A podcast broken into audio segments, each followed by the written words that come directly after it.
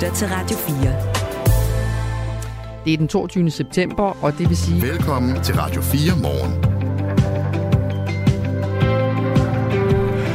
Og en ny stemme her i Radio 4 morgen med det, Vibe Utzon. Du fik startet lidt for tidligt, du skal lige lære Men det jeg hele. måtte jo tale ind over en eller anden jingle Ja, på et eller andet selvfølgelig, tidspunkt. selvfølgelig. Michael. Det er rigtigt. Den skal lige have lov at Det klinge er af. dejligt, du er med. Det får, tak. Selvom jeg taler ind over alt Det gør ikke noget. Nå, men det jeg egentlig var ved at sige, Michael, Ja. det var jo det der med, at det er den 22. september. Og det vil jeg sige, fordi at lige om lidt er den 1. oktober. Yes. Og når det bliver den 1. oktober, så er det alvor for dem, der kører rundt i gamle dieselbiler i landets fire største byer. Øh, der, der kommer simpelthen en klækkelig øh, bøde, hvis man ikke øh, har skiftet, hvis man kører ind i byerne. Ja. Det skal vi tale med øh, FDM om, og vi skal også tale med en bilist, som bliver, øh, hvad kan man sige, ramt, eller hvordan man nu vælger, og mm. hvilket verbo man nu vælger i den sammenhæng. Han er i hvert fald ikke særlig godt tilfreds med, at han skal bruge 8.000 kroner, op mod 8.000 kroner på dieselbiler.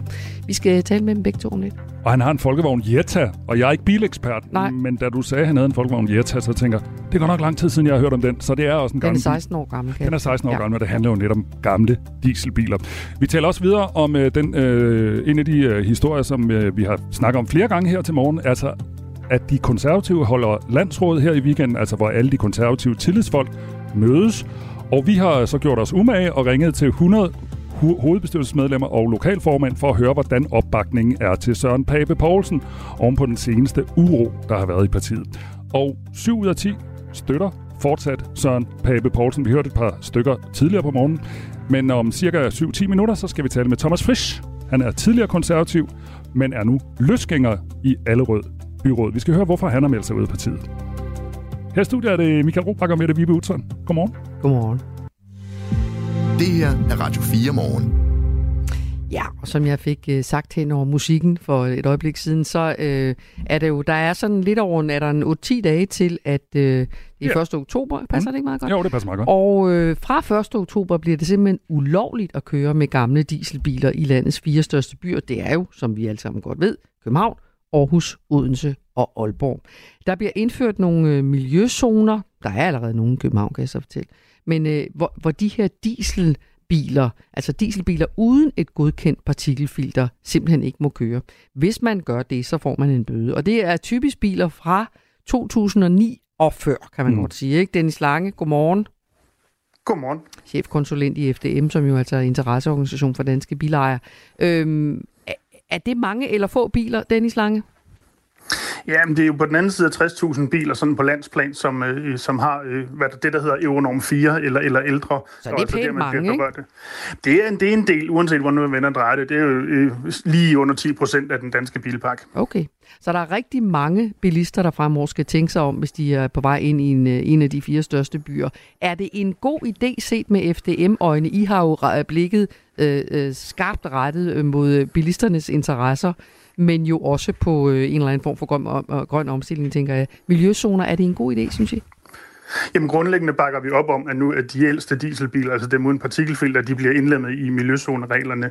Øh, og det gør vi jo selvfølgelig ud fra, fra et miljøsyn. Det er de biler, som, som sviner mest. Derfor giver det også mening at, at tage fat i dem, øh, når man, når man ligesom skal lave den her slags regler. Men når det så er sagt, så havde vi jo meget gerne set, og det har vi jo også efterspurgt øh, løbende i processen, at man havde holdt hånden økonomisk i meget højere udstrækning under de billige bilejere, som nu bliver ramt af det. Man kan få et lille tilskud, hvis man har en, en ret lav indkomst. Øh, Øh, det er lidt en dråbe i havet, for at være helt ærlig. Vi havde meget hellere set, at man havde gjort noget meget mere. Det kunne for eksempel være forhøjet skrotningspræmie. Det kunne være en, en, en, en, en, man kan sige en bedre pulje med nogle, nogle større midler, man kunne, man kunne til at få eftermonteret et partikelfilter. Modellen er egentlig ikke så afgørende, bare man havde, havde hjulpet de her folk øh, i, videre i væsentlig videre grad. Nu kan man sige, at man vælger, øh, man vælger pisten og ikke guleroden, kan man på sin vis sige. Ikke? Altså man får en bøde, risikerer at få en bøde på 1.500 kroner, og som en vaks øh, øh, lytter skrev ind tidligere, så fordi jeg sagde, hvordan i alverden ved, er det politiet, der skal rende rundt og spørge, undskyld, kører de en dieselbil her? øh, og det skal de, altså der, man kan se det på nummerpladen her, så er, har jeg så fået at vide af den her vakselytter. At Men- der, bliver, der bliver sådan en nummerpladescanner, når man kører ind i de her Og der områder. bliver en nummerplade. Ja, sådan har jeg i hvert fald forstået det. Ah, kan du, Ja, kan du og der opklare og det? Ja. det Ja, det, og det gør der jo allerede. Det er jo eksisterende miljøzoner, som øh, PT gælder for, for lastbiler, busser og øh, varebiler. Det er sådan mm. set samme system, der som personbilerne, dieselpersonbiler nu bliver indlemmet i. Der sidder kamera både ved indkørslen til zonerne, men også i zonerne, som netop øh, aflæser nummerpladen, og hvis der kører en, skal vi kalde det, forkert bil ind og bliver registreret, jamen så bliver der sendt en bøde Okay, okay, så det er simpelthen kontant afregning, hvis du bevæger dig inden for den zone, så er du registreret. Det er ikke noget med at køre i en anden smule med mørke, og så er der nok ikke nogen, der ser en. Men, men, men de 1.500 kroner er jo så den øh, bødestørrelse, øh, som man har valgt at sige, det, det, det er det, det koster, hvis man gør det alligevel. Hvis I synes, det er en god idé med de her zoner, hvordan kan det så være, at, at man I ikke øh, mener, at man skal indføre det i hele landet? Jo, men det handler jo om, at, at der, hvor man kan sige, hvor det giver mest mening at, øh, at kigge på luftkvaliteten, det er også der, hvor, hvor folk de bor tættest. Øh, og det er nu engang, uanset hvordan man drejer det, de, de største byer. Det er der, hvor, hvor der reelt er en problemstilling omkring lokal forurening. Øh, og i og med, at det her det er de mest svinende biler, jamen, så giver det også mening at tage fat i dem. Øh, ude på landet, der kommer den enkelte bil ikke til at betyde noget for, for man kan sige, øh, befolkningens øh, oplevelse af, af, af luftforurening, fordi der bor folk ikke så tæt, der kan vinden bedre blæse rundt osv. Så, videre, så, videre. så det er inde i de store byområder, det er der, hvor det giver mening at gøre noget. Det er jo også samme model, man kender fra, fra andre lande i Europa. Der er det jo også de store byer, som man indfører øh, miljøzoner i øh, af forskellige karakterer. Der er omkring 63.000 bilejere, som nu ikke må køre i de fire største byer længere. Ved du egentlig noget om, øh, Dennis Lange, de her mennesker, der har de her biler, eller de her bilejere, hvor bor de henne? Altså, er der mange af dem, der bor inde i byerne, eller er, der, eller er det biler, der kører rundt ud på landet? Jamen, det, det er jo både og. Det, det, er, jo, det er jo klart. Øh, øh, øhm, der er helt sikkert nogle, eller det er der nogle biler, som, øh, som hører hjemme, hvis man kan sige det sådan, i de, i de kommuner, som nu øh, øh bliver direkte berørt. Men det er der jo selvfølgelig også folk, som ikke bor i for eksempel København, men som pendler ind til København, som jo potentielt har en, øh, en bil, der bliver, bliver ramt af det. Øh, så ja, der er både øh, øh, biler, som hører hjemme i miljøzonerne, der er også biler, der hører hjemme ude. Øh, men de, den sidste kategori øh, kan jo også af den en eller anden årsag skulle normalt køre ind i, i miljøzonen, hvilket man jo selvfølgelig så skal lade være med efter 1. oktober, hvis man ikke har partikelfilter. Nu er der jo, øh, som, som Michael også lige sagde, der er jo rigtig, der er jo mange tusinde, øh, som kører rundt i de her biler stadigvæk. Og en af dem er dig, Niels Jørgen Jacobsen. Godmorgen. Godmorgen. Du bor inde midt i Aalborg, forstår jeg, ikke? Og det er dig, der har den her gamle folkevogn, ikke også? jo, jo. Og den er, er 16 år gammel, den er god nok. Ja, ja. det er helt rigtigt. Så, så hvad, hvad skal du gøre, tænker du? Hvad, har du, hvad, hvad er din plan? Jamen, nu har jeg jo fået øh, installeret et, øh, et såkaldt miljøfilter. Det har jeg jo fået. Det koster så 8.500, plus at bilen den også skal synes. Mm. Øh, for at jeg må køre hjem, hvor jeg nu engang bo, har boet i 35 år. Og hvordan har du øh, det? Hvad, hvad tænker du om det? Jamen, det, jeg synes jo et eller andet sted, øh, det er skyde, øh, det er skyde gråsbord med kanoner. Hvem er gråsbogen, øh, og hvem er øh, kanonen, havde jeg sagt? ja, altså... Bil, øh, bilens alder tager i betragtning og sådan noget, det, der skulle man have lavet. Altså, man, hvis man skulle holde nogen skadesløse, så skulle man have lavet en, en mere smart og enkelt model. Altså, altså man kunne jo godt man kunne godt øh, give øh, dem forbud, dem der ikke bor her, men, men man skulle have givet dem, hvis biler har bopæl i øh, miljøzonen, dem skulle man jo have givet en dispensation. Fordi det er jo biler, der i forvejen, eller til hele taget i betragtning, er ved at blive faset ud. Mm-hmm. Så du kunne godt tænke dig, at fordi du bor i Aalborg, at du så fik lov at have din gamle spand, undskyld udtrykket, øh, et par år endnu, indtil du alligevel skulle købe en anden? Ja, jamen det skulle man jo have gjort. At nu, nu øh, skal man jo bruge energi og, øh, og, og penge, og, og fabrikkerne skal til at, at lave sådan nogle øh, miljøfilter. Altså man skal til at sætte noget produktion i gang, fordi det, det er man jo ikke forberedt på, at til, til biler, der er så gamle, at man skal, man skal lige pludselig til at installere miljøfilter i den. Vi har stadigvæk Dennis Lange med fra øh, FDM. Øh, nu kan vi høre her, at, øh, at der, øh, Niels Jørgen Jacobsen han har skiftet sit partikelfilter, har I egentlig noget overblik over, hvor mange der har valgt at sige, at jeg vil gerne beholde min gamle bil, og øh, jeg klarer det her, den her problemstilling ved at skifte til filter, i stedet for at skrotte den?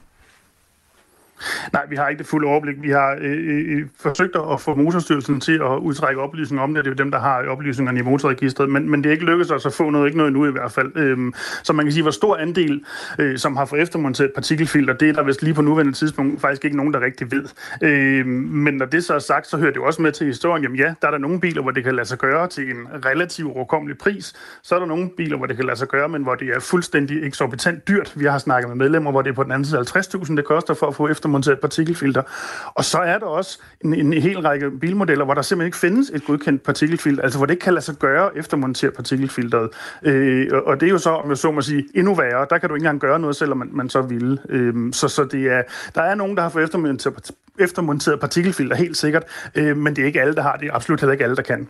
Niels Jørgen Jacobsen, øh, vi hørte jo Dennis Lange fra FDM sige, at det kunne også være en idé, at, øh, at guleroden blev brugt i højere grad end pisken. Altså, ville det have gjort en forskel for dig, hvis du havde fået en, en god sum penge til at købe en anden gammel spand, havde jeg sagt. Altså, altså hvis, du havde, hvis du havde fået en, en skråtpræmie, der ligesom kunne gøre, gøre dig i stand til måske at købe en ny bil, en ny brugt bil. Ja, altså det, det var jo også et alternativ, øh, naturligvis. Altså nu er det jo så kun, øh, kan man sige, dem, som, som har bopæl i øh, miljøzonen, det, det, det er jo kun dem, der, altså, der nødvendigvis bliver ramt. Altså alle andre, de kan jo bare lade være med at køre ind i miljøzonen, hvis der er nogen, som ikke øh, har bopæl herinde. Mm. Øh, de, de kan så bare køre andre steder hen og handle, hvis det, hvis det er det, de vil. Mm. Øh, men øh, de bliver jo ikke direkte berørt af det, for så vidt. Altså, vi har, vi har jo altså, hvad skal man sige, øh, ringvejen her i, i byen, altså, dem, der bor på den ene side af gaden, de må godt køre i den, og dem, der bor på den anden side af gaden, de må ikke køre i den. Så, øh, så enkelt er det egentlig.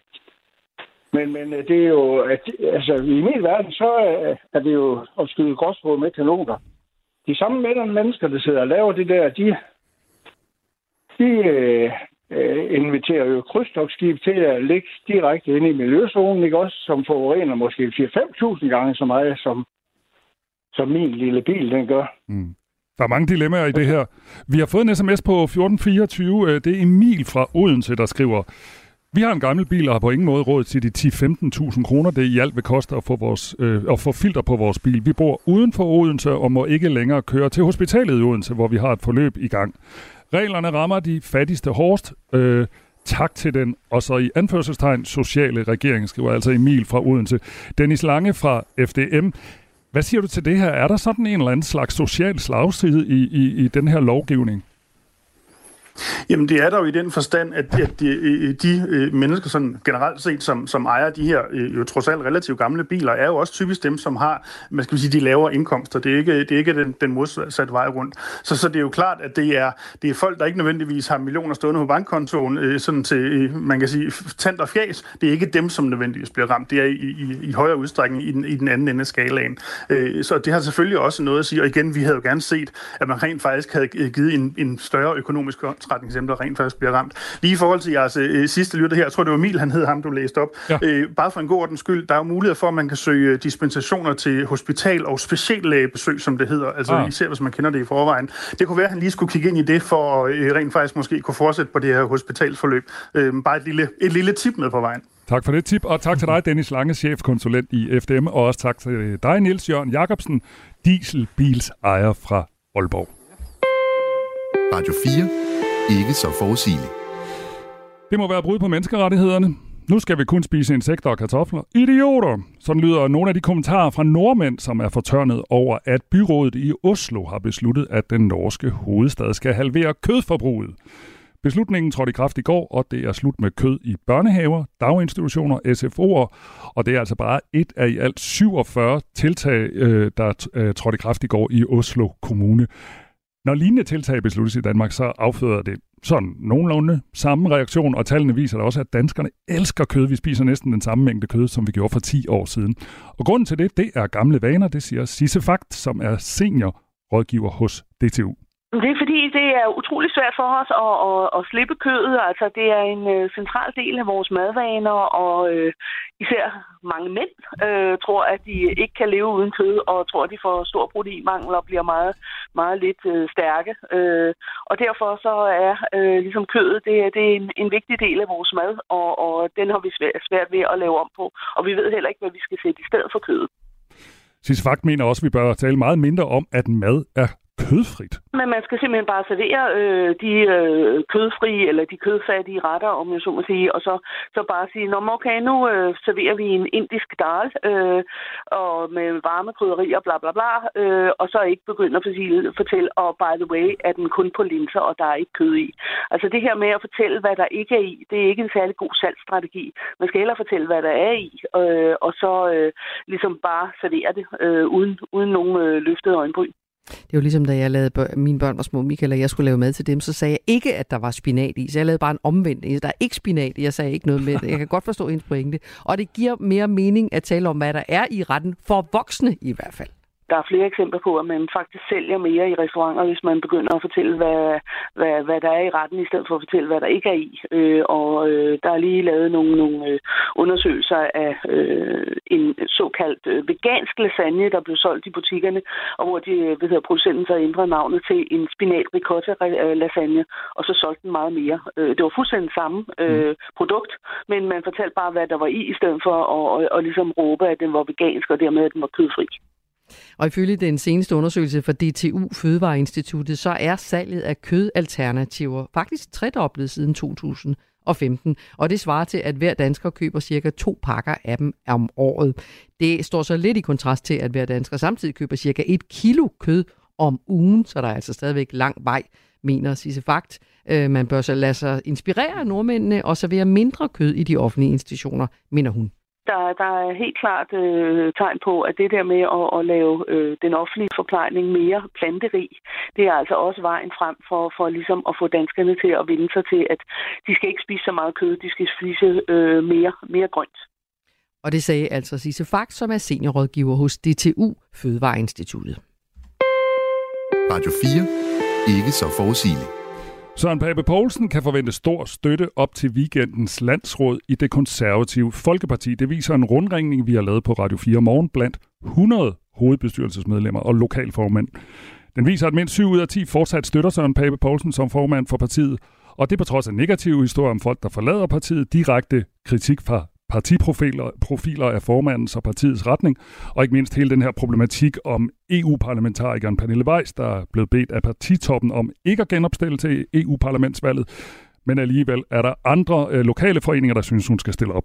Et af de medlemmer, der for nyligt har forladt partiet, det er Thomas Frisch, der nu er løsgænger i Allerød Byråd. Godmorgen. Godmorgen. For en uge siden, der kom den her historie ud, øh, historie ud om, at du og to andre konservative i Allerød Kommune har meldt jer ud Øh, og den historie lader sig jo i slipstrømmen af en række andre historier om medlemmer, der er utilfredse med Søren Pape Poulsen og det konservative Folkepartis retning. Alligevel så viser vores rundringning, at mindst 7 ud af 10 i baglandet faktisk støtter op om formanden. Hvad tænker du om øh, den fortsatte store støtte til Pape, når du selv har meldt dig ud? Jamen altså, det, det tænker jeg, der er, er, er som udgangspunkt er helt fint. Altså, det skal jeg jo ikke øh, gøre mig til, til dommer for. Altså, det man skal huske på, det er jo, at, at, øh, at vi, vi er jo lokalpolitikere, os tre. Mm. Øh, og, og grunden til, at, at vi som udgangspunkt har meldt os ud, det er jo selvfølgelig funderet i, i vores øh, altså lokale øh, situation. Men, men, øh, men når det så er sagt, så, så er hvad skal vi sige, projektet øh, konservativ parti øh, er et projekt, som, som vi ikke rigtig kan se øh, i, i, i sin nuværende form har en, en, øh, en, en fremtid. Jeg ved, det, øh, og jeg... derfor, derfor har det jo selvfølgelig også været, været en, en, en medvirkende årsag til, at vi ligesom siger, at nu må vi, nu må vi videre. Jeg ved, du til DR har sagt, at Søren Pape lavede det ene selvmål efter det andet. Øh, hvis vi lige lægger problemerne sådan lokalt i Allerød til side og, og kigger på landspolitikken, hvad er det så for nogle selvmål, som formanden har lavet? Jo, men altså, hvad hedder det, det starter vel egentlig med, at han jo og det kan jeg sådan set i og for sig godt forstå, ved det han jo var utrolig populær på det tidspunkt. Man starter med, at han melder ud, at han er statsministerkandidat. Der, der er man jo allerede i gang med at, og, hvad skal vi sige, at splitte blå blok frem for at samle blå blok. Men, men forståeligt nok, han var populær og, og, og, og var fristet. Men, men når man så stiller op som, øh, som statsministerkandidat, så må man også være, være parat til øh, at der bliver stillet og gravet, altså stillet kritiske spørgsmål og gravet i, i hans øh, fortid, øh, og også stillet spørgsmål til, til fremtiden. Og der synes jeg simpelthen ikke, at, at han var forberedt nok. Og når han så samtidig, og altså der bliver han jo nærmest sur, hvis han bliver stillet kritiske spørgsmål på det, på det punkt, og når han så samtidig øh, starter valgkampen med at melde ud, at, at topskatten skal væk. Altså det, det, det har konservativet jo prøvet at skille i gang før, og hver evig eneste gang, så giver det jo skyt til, til den røde del, øh, og, og, og de starter straks med at spørge, hvor mange skal der fyres i det offentlige. Og så, så er vi der igen. Og, og det er en tabersag. Og det er jo ikke fordi, at jeg ikke er enig i, at det vil være, altså, hvad skal vi sige, kunne jeg melde mig ud af, af skatteklubben, så, så, så ville det da være super fedt. Men det kan man ikke. Mm. Man skal jo betale skat. Og det er bare ikke en vindersag. Øh, og, det, og det troede jeg sådan set, at man havde fattet. Rundspørgen, vi har lavet øh, blandt de 100 hovedbestyrelsesmedlemmer og lokalformænd, viser, at 71 støtter Søren Pape Poulsen, 22 vil slet ikke udtale sig, og 7 støtter ikke formanden. Når nu mindst 7 ud af 10 stadig støtter ham, kunne det så tænkes, at partiets retning at det, eller at det ikke er partiets retning, og Søren Pape Poulsen er galt med, men øh, at det er dig, den er galt med? Ja, det, kan, det, det, det, det kunne da da godt. Men, men jeg synes, det kunne også tænkes, at, at øh, i øjeblikket er der ikke rigtig noget sådan indlysende alternativ. Altså, så, så hvis du for eksempel så spurgte mig, jamen okay, øh, du synes ikke, at øh, projektet Pauls, der hedder Pape Poulsen, ligefrem er, er en bæredygtig idé, hvem vil jeg så pege på, for eksempel? Ikke? Jamen, så, så kan jeg jo så sige, at det, det, øh, der er ikke noget indlysende alternativ. Derfor øh, kunne man så sige, jamen altså, øh, hvem skal man så støtte? Og det kan jo også være årsagen til, at, at man, ja, altså skal vi sige, mangler bedre, øh, så, sige, så, så støtter vi op om det, om det, vi har. Men er det, er taler du politikken her, eller taler du personer? Altså, synes du, I mangler en kronprins eller en kronprinsesse? Ja, ja altså, altså hvis, hvis nu vi ser på fakta, altså projektet, altså vores, vores spids, i, eller ikke, nu er, det, nu er jeg ikke medlem af konservativ mere, men, men altså Søren Pape Poulsen, er i min optik ikke den person, der kan, der kan bringe konservative tilbage til, til fordomstider. Altså hvis, hvis vi ser på fakta, så er det sådan set kun gået en vej, og det er ned. Øh, og, og, og den, hvad skal vi sige, ageren, som man lagde for dagen øh, under valgkampen, Øh, og, og, og der må jeg indrømme, at der, der var jeg altså også en smule... Øh, ja, jeg krummede lidt tær hvad hedder, på valgnatten der, hvor man jo nærmest fejrede det som en kæmpe sejr, selvom det var et stort nederlag. Øh, det, det, jeg tror, det projekt, det, det, det tror jeg simpelthen ikke på. Mm. Og, det, og det viser, det viser øh, tallene jo også, og, og, og, og, og hvad hedder meningsmålingerne. Ikke? Du er ikke den eneste, der har meldt dig ud. Det har Peter Sterup også. Han er tidligere generalsekretær og tidligere partiformand. Lars øh, Barfod har også forladt partiet, og flere andre øh, har, været, øh, har, har, øh, har forladt de konservative. Øh, vi talte tidligere på morgen med lokalformanden i Fredericia. Han hedder Torben Møller Jørgensen. Lad os lige høre, hvad han siger. Jeg har bemærket den uro, der primært har været øh, i medierne. Det er ikke en uro, jeg egentlig kan genkende i partiet og i baglandet. Tværtimod så oplever jeg en, øh, en stor støtte til øh, ikke kun vores, øh, vores formand, men øh, hele partiets øh, politiske ledelse. Så altså lokalformand i Fredericia, Torben Møller Jørgensen. Hvad, hvad siger du til det? Altså er der ikke noget ballade i partiet eller noget uro lige nu? Jamen altså, det, det vil jeg helst ikke gøre mig til dommer for, fordi det er, eller udtale mig om i og for sig, fordi at, at øh, jeg er jo ikke en del af af, hvad skal vi sige, inderkredsen og hovedbestyrelsen osv. Så, videre. så, øh, og, og jeg vil også sige, at, at, at så lang tid har jeg jo heller ikke været medlem øh, af konservativ Folkeparti. Så, så der vil jeg nok øh, sige, at den del vil jeg ikke øh, kommentere. Men, men det, jeg dog vil kommentere, det er, at jeg synes, konservativ Folkeparti trænger til at, at forny sig.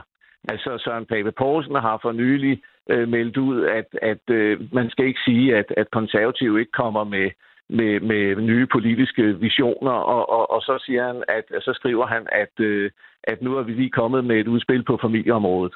Og der, der må jeg så bare sige, jamen det, det er super fint, men familieområdet er jo det, som, som konservative traditionelt har stået på, øh, altså familiepolitikken. Og, mm. og i mig, i min optik, er det ikke, det er ikke nyt. Altså, hvor, hvorfor kommer man ikke med, med visioner omkring erhvervsliv? Hvorfor kommer man ikke med visioner om kommuner, der, der er presset helt vildt på økonomi? Det, det skal vi, der skal vi have tilført flere penge. Altså, altså nye, nye øh, visioner, nye idéer frem for at komme med, med om jeg så må sige, øh, øh, ny øh, vin på gamle flasker, eller hvad man nu siger. Altså, der, der er kommet et forsvarsudspil øh, et, ude i dag med, mm. med 50.000 flere i forsvaret. Jo, Og det ved vi godt, og det, det, det ved konservative godt. Men kom nu med noget, som vi ikke er forberedt på. Med nye visioner. Og, og der synes jeg, at, at øh, der er for meget korsbæk i, i konservative, for nu at sige det, som det er. Du har meget, meget, meget få sekunder til at svare på mit sidste spørgsmål. Hvis nu Søren Pape ja. forlader partiet inden for sådan en overskuelig fremtid, kan vi så forvente at se øh, dig tilbage i det konservative Folkeparti? Nej, det kan vi ikke. Og her vil jeg sådan set tillade mig at bruge et udtryk, som en anden person har brugt før. Det handler om noget og ikke om nogen. Og, og derfor så er det ikke det, der er årsag til. Det er ikke det, der er hovedårsag til, at, at jeg har meldt mig ud af konservativ. Tak skal du have, Søren. Eller Thomas Friis, som altså er byrådsmedlem i Allerød og for nyligt øh, ud, øh, meldt sig ud af de konservative. Klokken den er halv ni, og vi skal have en runde nyheder. Nu er der nyheder på Radio 4. Og vi fortsætter i historien om Søren Pape Poulsen, for opbakningen til formanden for det konservative Folkeparti er stor, på trods af den uro, der har omgivet partiet i den seneste tid. Det viser en rundringning, som vi på Radio 4 har lavet til 100 hovedbestyrelsesmedlemmer og lokalformænd forud for lørdagens landsråd i det konservative Folkeparti. Søren Pape Poulsen og konservative har ellers været ramt af en stribe negative historier i løbet af de seneste måneder, men alligevel forventer politisk kommentator Benny Damsgaard ikke et kampvalgsdrama på landsrådet. Jeg forventer i hvert fald ikke, at landsrådet her i, i weekenden kommer til at være et, et åbent oprør mod, øh, mod Søren Pape, eller der kommer kampafstemning om hans formandskab eller lignende. Det kommer ikke til at ske. Der kommer til at være en en, han bliver genvalgt med aklamation, og der kommer til at være folk, der, der går på talerstolen og, og støtter ham og det han, det, han står for. Men selv hvis det går problemfrit for Søren Pape, så er landsrådet afgørende, fortæller Benny Damsgaard. Men det er afgørende i forhold til Søren Papes fremtid som, som partiformand. Og han har siddet snart, øh, snart 10 år det er dels et spørgsmål omkring Pernille Weiss' øh, spidskandidatur, altså eller hvem der skal være ny EU, øh, Europaparlaments spidskandidat, hvor der skal være en kampafstemning, som kan give en, en indikation af de her kritikere, som har været meget fremme i pressen. Hvor mange er de? Hver fjerde kortuddannede privatansat med dårligt helbred frygter, at de ikke kan forlade arbejdet før tid. De frygter, at det ikke kan lade sig gøre, fordi de ikke har økonomien til det. Det viser en ny rapport fra det Nationale Forsknings- og Analysecenter for Velfærd, VIVE. Seniorforsker Mona Larsen, der blandt andet beskæftiger sig med ældre på arbejdsmarkedet hos VIVE, er en af forfatterne til rapporten. To ud af tre, der siger, at de har svært ved, i høj eller nogen grad har svært ved at udføre deres arbejde, fordi de har smerter. Og der er en del af dem, der tager smertestillende medicin mindst ugenligt for at klare arbejdsdagen. Deltagerne i undersøgelsen arbejder inden for brancher som byggeri, transport eller budarbejde, industriarbejde eller lagerarbejde. Og Mona Larsen tilføjer, at gruppen ikke har ekstra økonomi til at forsørge sig selv uden et arbejde, hvilket kan være tilfældet for mere veluddannede grupper, der har flere penge i pensionsopsparingen. På den måde kan man sige, at der er ulige vilkår, fortæller Mona Larsen. En dommer på den amerikanske militærbase Guantanamo Bay har vurderet, at en fange fra Yemen på grund af tortur udført af CIA ikke er egnet til at gennemgå en retssag i forbindelse med angrebet på World Trade Center i USA. Det skriver den amerikanske avis The New York Times ifølge nyhedsbyrået Reuters. Ifølge dommeren er 51-årige Ramzi bin al-Shib for psykisk skadet til at kunne forsvare sig selv i retssagen, hvor han står over for dødsstraf. Læger på basen har diagnostiseret ham med blandt andet PTSD og vrangforestillinger. Han er i en tilstand, som ifølge militære psykiater gør ham ud af stand til at forstå naturen af procedurerne mod ham. En 22-årig mand er kendt skyldig i alle forhold, efter han i juni sidste år kørte ind i en husmur ved Tøndervej i Kolding, skriver Jyske Vestkysten. Manden, som inden kollisionen med husmuren kørte med over 100 km i timen gennem byen, står nu til tre måneders ubetinget fængsels fængsel. Anklagemyndigheden fik medhold i påstanden om, at bilisten skal udvises fra landet i en periode, der gælder 6 år. Og så et kig på vejret, der først byder på overskyet og regn mange steder, men i løbet af dagen nogen opklaring fra sydvest med lidt eller nogen sol, og især i Jylland med spredte byer. Temperaturer mellem 16 og 20 grader og svag til jævn vind mellem syd og vest.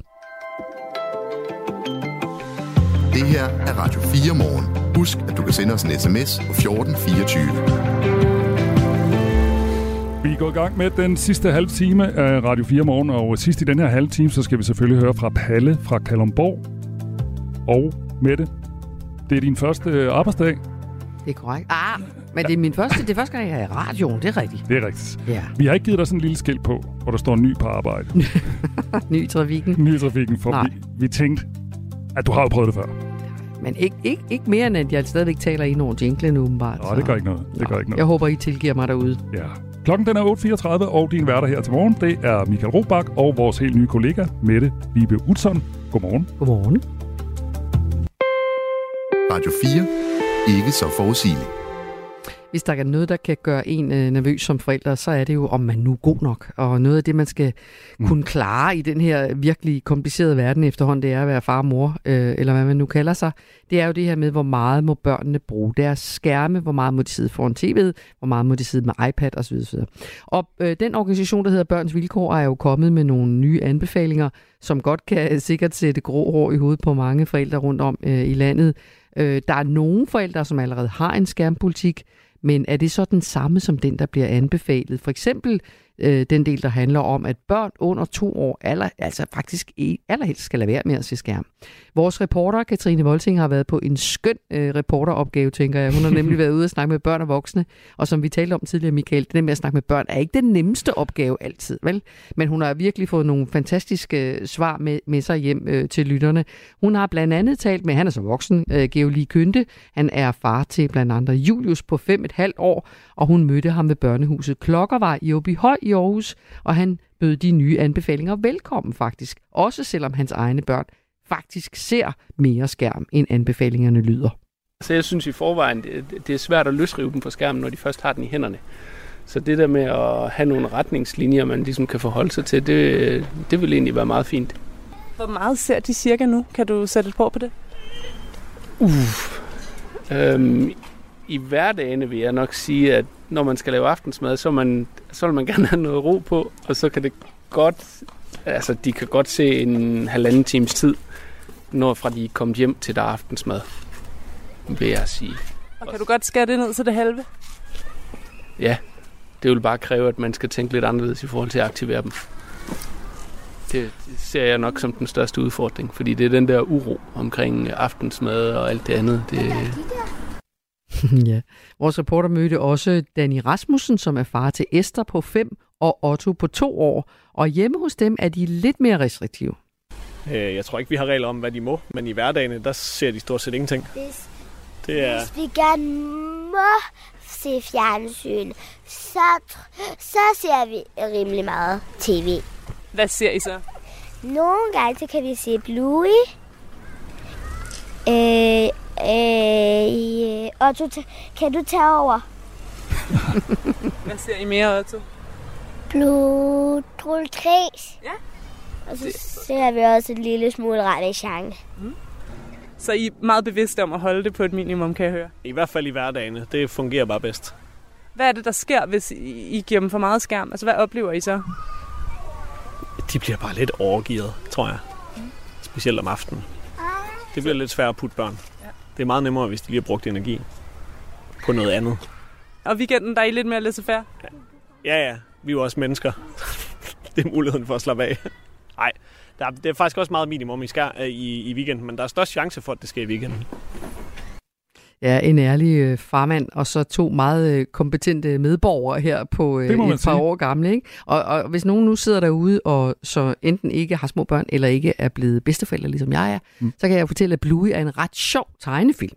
Som dit Så- barnbarn, barnbarn gerne vil se. Yes, og det vil hans mormor nemlig også, og derfor er det hyggeligt at se den sammen, fordi der er ret god humor, også voksen humor. Kan I huske Bamse og Kylling? Det var også lidt sådan noget, med de voksne kunne grine af, og det er Ja. ja. Bluey faktisk også. Det er bare en tegnefilm om nogle hunde. Er det bedre end Gulli Gris? Altså, når man er fem år, ja. Okay. Ris.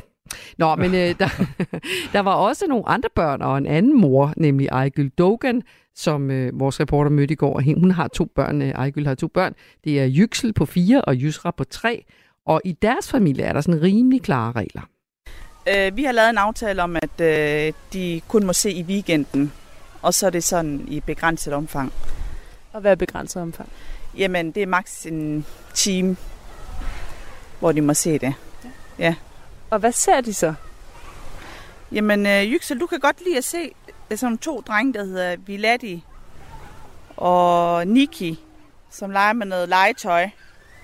Og så kan du godt lide at se Spider-Man, ikke også? Spidey. Hvor ser man det henne? Er det bare altså, det er YouTube, YouTube, han primært ser. Ja. ja. Mm.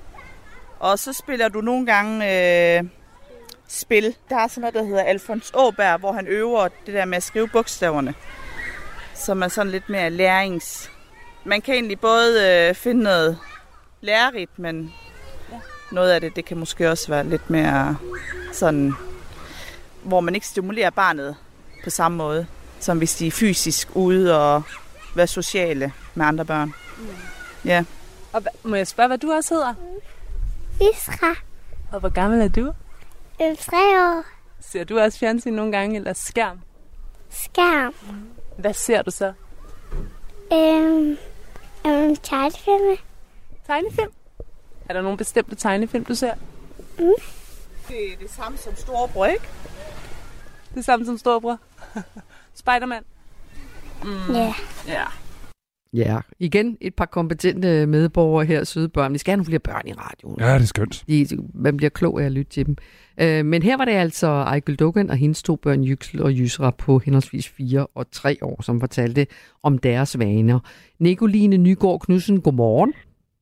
Godmorgen. Hvordan kører det hjem hos dig øh, og dine to drenge på 3 og 4? Jamen, øh, vi prøver faktisk at undgå skærm så vidt muligt. Øhm, ja, så der, der er faktisk, det kan være, hvis de er, syge eller et eller andet andet, sådan lidt mere specielle omstændigheder, så kan det godt være, at vi, øh, vi, vi overvejer det lidt. Men som udgangspunkt, så ser vi faktisk ikke skærm. Overhovedet? Altså nul, nul tolerance? Ikke helt nul, kan jeg alligevel høre. Ja, stort set, stort set herhjemme. Øhm, det er lidt noget andet, når de bliver passet hos bedsteforældre eller andre. Så, så kan det godt være, at de får lov til at se lidt derovre. Men herhjemme, der er det faktisk, øh, der er det faktisk nul, ja. Og hvordan kan det være, at I har besluttet det? For det er vel en beslutning, ikke?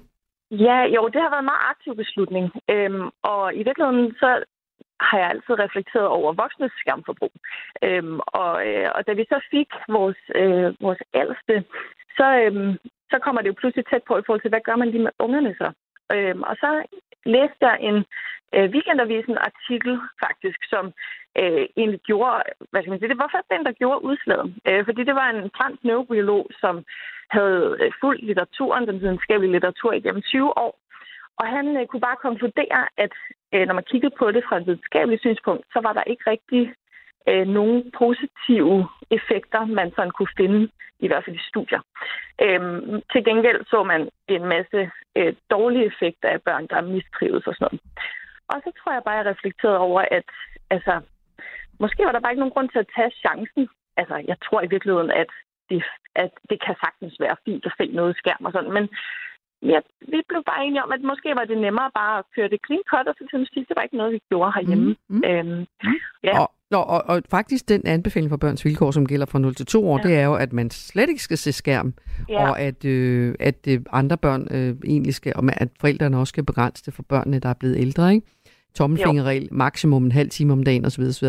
Men, men det, ja. du får det også til at lyde rimelig ukompliceret. Du tog ligesom en beslutning, øh, men hvordan førte du den ud i livet? Fordi jeg tror, at der er mange forældre, der sidder og tænker, ja. nu må du heller ikke, og så læner man alligevel med, fordi man, som vi også skulle høre her, skal lave aftensmad eller noget, ikke? Ja, Ja, jeg, altså jeg forstår, jeg forstår fuldt ud, hvorfor at, øh, at folk også vælger at gøre det. Og øh, altså det kan være, vi, jeg ved ikke, om vi bare lever med et, et lidt højere niveau af kaos, eller hvad det er. Men, øh, men vi har fundet ud af, at sådan noget som, øh, sådan noget som at sætte dem til at høre en lydbog, for eksempel, kan, kan lidt af det samme faktisk, at de sådan kan blive opfanget i en, i en, øh, en stund, hvor de lige får ro på og, sådan, øh, og lytter til en god historie, men hvor det alligevel ikke er, at de ligesom sidder foran, foran en skærm. Øh, ja, så jeg tror, at vi bare har... Altså, min kæreste jeg har også været lidt uenig, faktisk. Jeg tror, hvis det stod til ham, havde vi nok haft en lidt, lidt mere lempelig tilgang til det.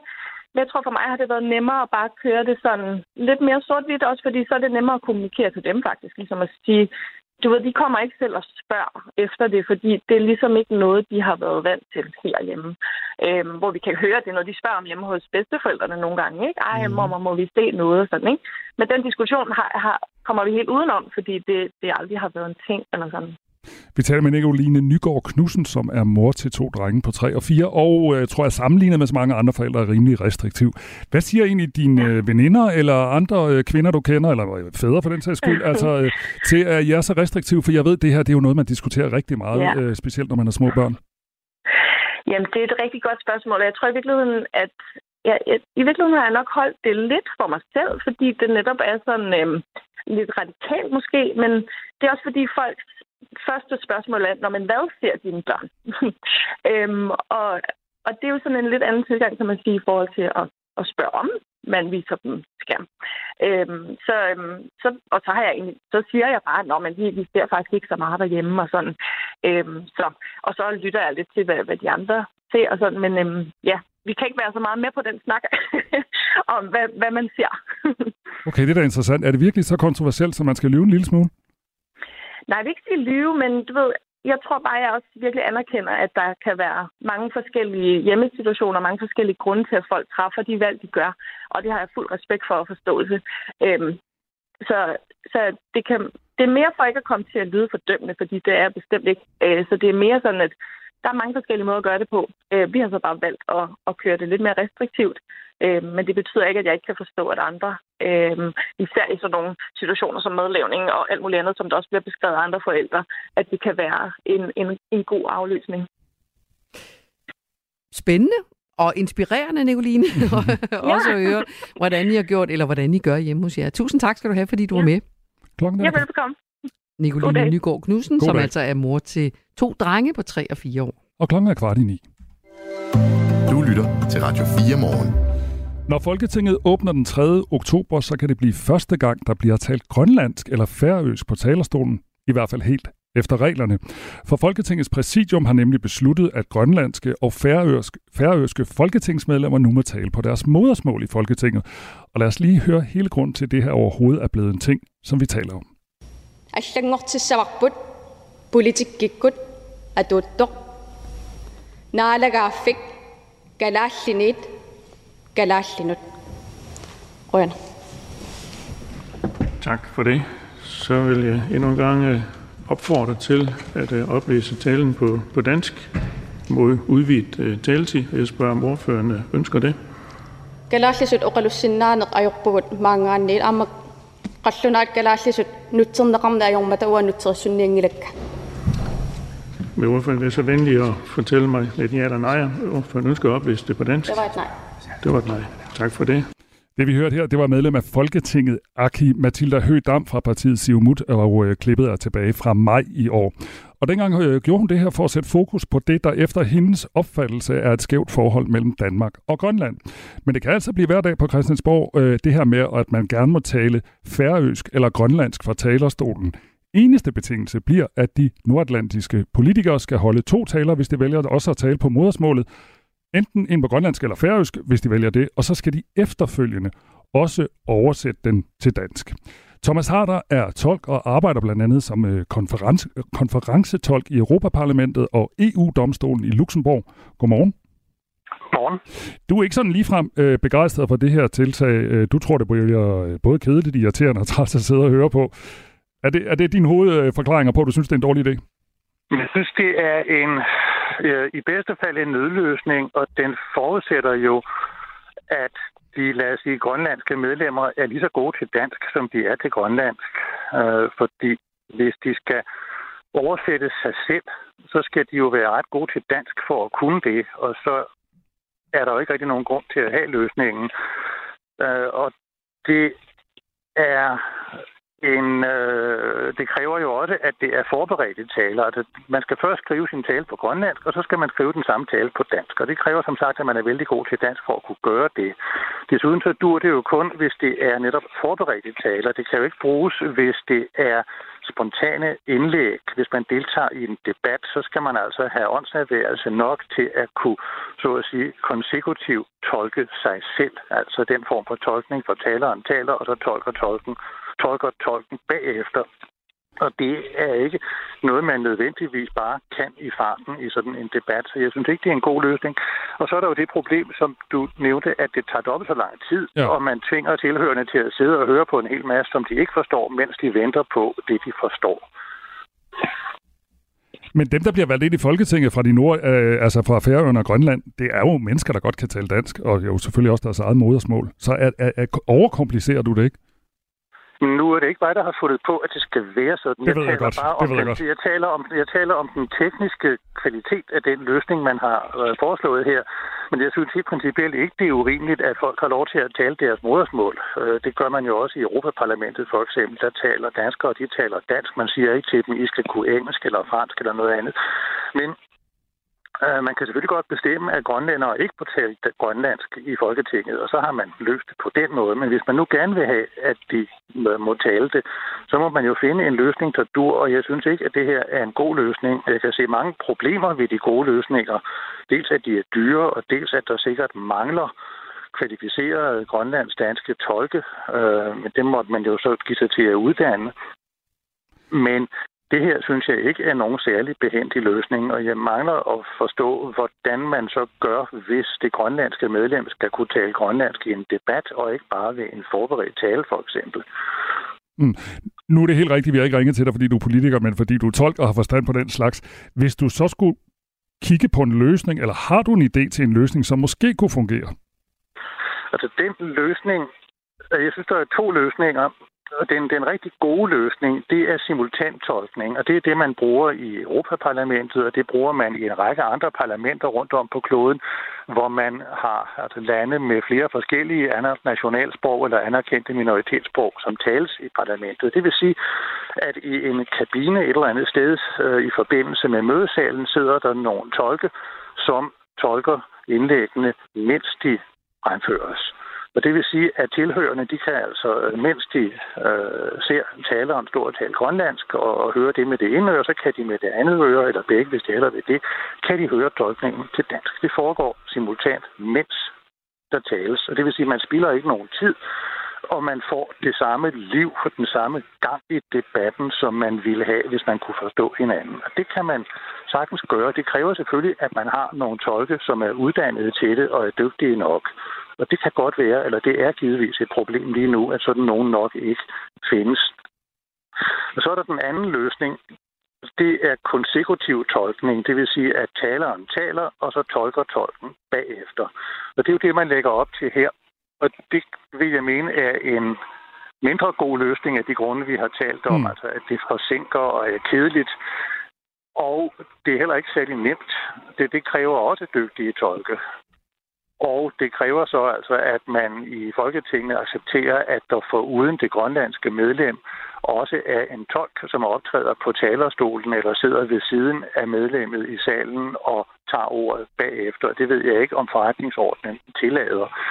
Men det, det ville også være en løsning. Men det kræver stadigvæk, at der er nogle dygtige tolke, som man kan sætte til det. Jeg synes, det at bede medlemmerne om at tolke sig selv, eller at læse noget op, som på forhånd er oversat, synes jeg ikke er en god løsning.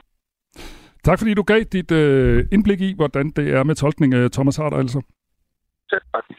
Og klokken den er 8 minutter i 9, og øh, jeg kan lige tilføje, altså, at Aki Mathilda Høgdam, som vi hørte før i det her lange klip, altså, som talte grønlands fra Folketingets talerstol, hende kommer vi altså ikke til at høre, øh, høre tale grønlands, når Folketinget åbner om et par uger, hvad er det, jo, knap et par uger, den 3. oktober, fordi hun er nemlig gået på overlov. Klokken den er 8 minutter i 9, det fik jeg vist også sagt før. Nu er den i hvert fald 8 minutter i 9. Godmorgen. Godmorgen. Radio 4. Ikke så forudsigeligt. Jeg vil lige øh, fortælle lytterne også, at vi har fået en sms om det her med børn og skærme. En, øh, en forælder, jeg kan ikke se, om det er en mor eller en far, det er strengt også ligegyldigt, men fortæller, at min søn på fem år kan alfabetet på arabisk, dansk og engelsk. Han kan både læse og udtale og skrive dem, og han er sprogtestet til at kunne læse på førsteklasses niveau, og det har han lært fra YouTube og andre tv-programmer. Så der var sådan lidt en anden vinkel på den historie. Mm. Det er fredag. Det er din første fredag i Radio 4 morgen. Mm. Så skal du vide, at øh, om fredagen så runder vi af med øh, at lytte vores Nationen-telefonsvar. Kom her. Du har ringet til Nationen-telefonen. Læg venligst din holdning efter bippet. Ja, det er Palle fra Kalmborg. Nå, jeg kan se her, når jeg tjekker min ejendomsvurdering, at min grund her på Møllebakken, den er steget med 8 millioner kroner, siden jeg købte mit hus for 25 år siden. Det er sgu da en pæn stigning for en grund i en by, hvor pulsen og oplevelsesøkonomien blomstrer én gang om året. Og det er vel at mærke kun, hvis Kino Den Blå Engel viser pornofilm, og Lis Sørensen står øverst på plakaten til Kalamborg Rocker, og ikke pornofilmen. Men det, der så er med det hele, det er, at min grund nu er mere værd end mit hus. Og jeg ved godt, at folk derude har fået sand i fissen over de her vurderinger. Men jeg må sige, at i mit tilfælde, så er de spot on. For den våde papkasse af en rønne, hvor i min hoveddør er placeret, den vil jeg ikke engang lade en hjemløs bo i. Lang historie kort. Jeg har tjent boksen på min grund. Så i næste uge, så kommer de at rive huset ned, så jeg kan bygge mig Mansion Møllebakken, Casa del Palle, Costa Kalundborgen. For det, er vel, for det er vel det næste naturlige skridt, når man har fået, når man har fået vurderingerne for slipsedrengene i Skatteministeriet, som med al tydelighed dumpede i regning, før de startede i skole. Eller hvad, Jeppe Brugs og alle andre minister og regeringer før dig? For hvis min grund er 12 millioner kroner værd, og et parcelhus i Struer nu er 2,4 milliarder kroner værd, så er det sgu lidt svært at se, at det ikke skulle pille ved ejendomsskatterne og grundskylden. Nå, hul i det. Hvis ikke jeg hører noget i starten af næste uge, så tænker jeg at fortsætte mit planlagte byggeeventyr på Møllebakken. Og apropos en skør vurdering, så kan jeg se, at Jørgen Jynke Nielsen, altså tidligere medlem af skuterlederbøsserne i Hells Angels, nu har stiftet partiet Stabilt Demokrati med et slogan, der lyder, vi vil fred frem for krig, og vi tør godt sige det højt. Ja, hvis ikke det var fordi, der sad en tatoveret morder i den anden ende af den besked, så kunne man jo næsten tro, at man var dumpet ind hos SF eller Alternativet. Men sidstnævnte parti har det vist fint med krig for tiden. Kære Jynke, det slogan der, det kan du fandme gøre bedre. Må Palle ikke lige have lov at hjælpe? Stabil demokrati. Ikke mere bullshit. Stabil demokrati. Vi skyder først og spørger bagefter. Stabil demokrati. Hvis du også er træt af makrel. Stabil demokrati. Ikke flere bandepakker.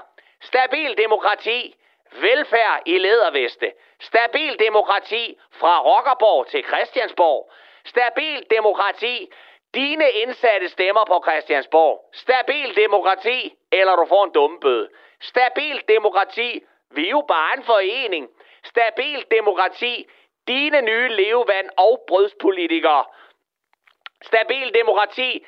Hvis du taber sæben, så er vi klar. Stabil demokrati, Pape, varnopslakker, Inger. Hvis der bliver mere pis, så klipper vi en finger. Ja, ja, ja, ja, Palle. Men han får jo aldrig de vælgererklæringer, og han bliver aldrig valgt ind. Danskerne er slet ikke så dumme, at de vil stemme på en kriminel morder, der har siddet inde.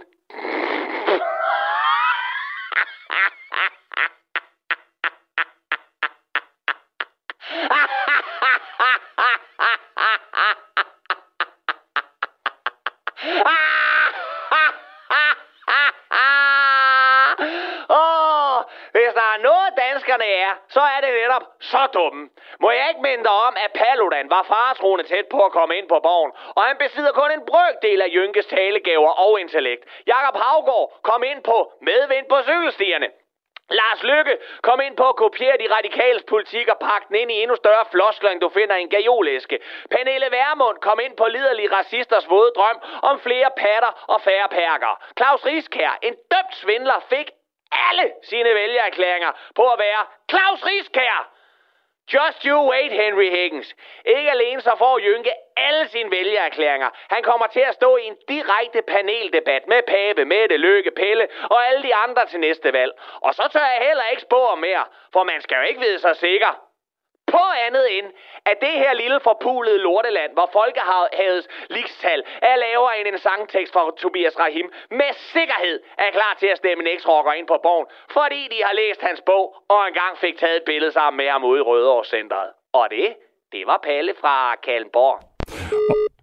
Og hvis man vil høre mere til Palle fra Kalundborg, så kan man gå ind i vores app, og man skal selvfølgelig blive på kanalen, for i Ring til Radio 4, der taler de om en af de historier, vi har talt om her til morgen. Præcis, fordi det her med børn og skærme, det er noget, som virkelig øh, ligger folk på sinde.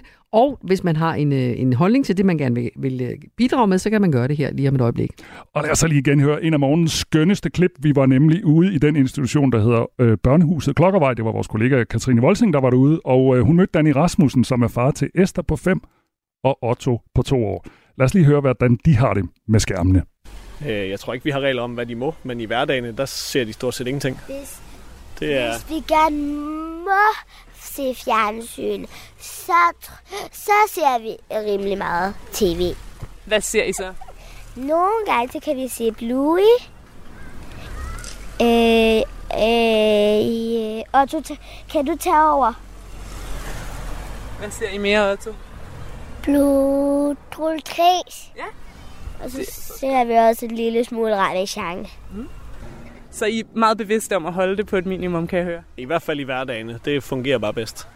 Hvad er det, der sker, hvis I giver dem for meget skærm? Altså, hvad oplever I så? De bliver bare lidt overgivet, tror jeg. Specielt om aftenen. Det bliver lidt svært at putte børn. Det er meget nemmere, hvis de lige har brugt energi på noget andet. Og weekenden, der er I lidt mere laissez-faire? Ja, ja. Vi er jo også mennesker. det er muligheden for at slappe af. Nej, der er, det er faktisk også meget minimum i, skær, i, i weekenden, men der er størst chance for, at det sker i weekenden. Vi hørte altså Danny Rasmussen, øh, som er far til Esther på 5 og Otto på 2. Det var den her morgen. Med din første morgen. Kommer du igen? Det kan du tro. Det er rigtig godt. Det glæder vi os til. Nu er klokken blevet 9. Du har lyttet til en podcast fra Radio 4. Find flere episoder i vores app, eller der, hvor du lytter til podcast. Radio 4. Ikke så forudsigeligt.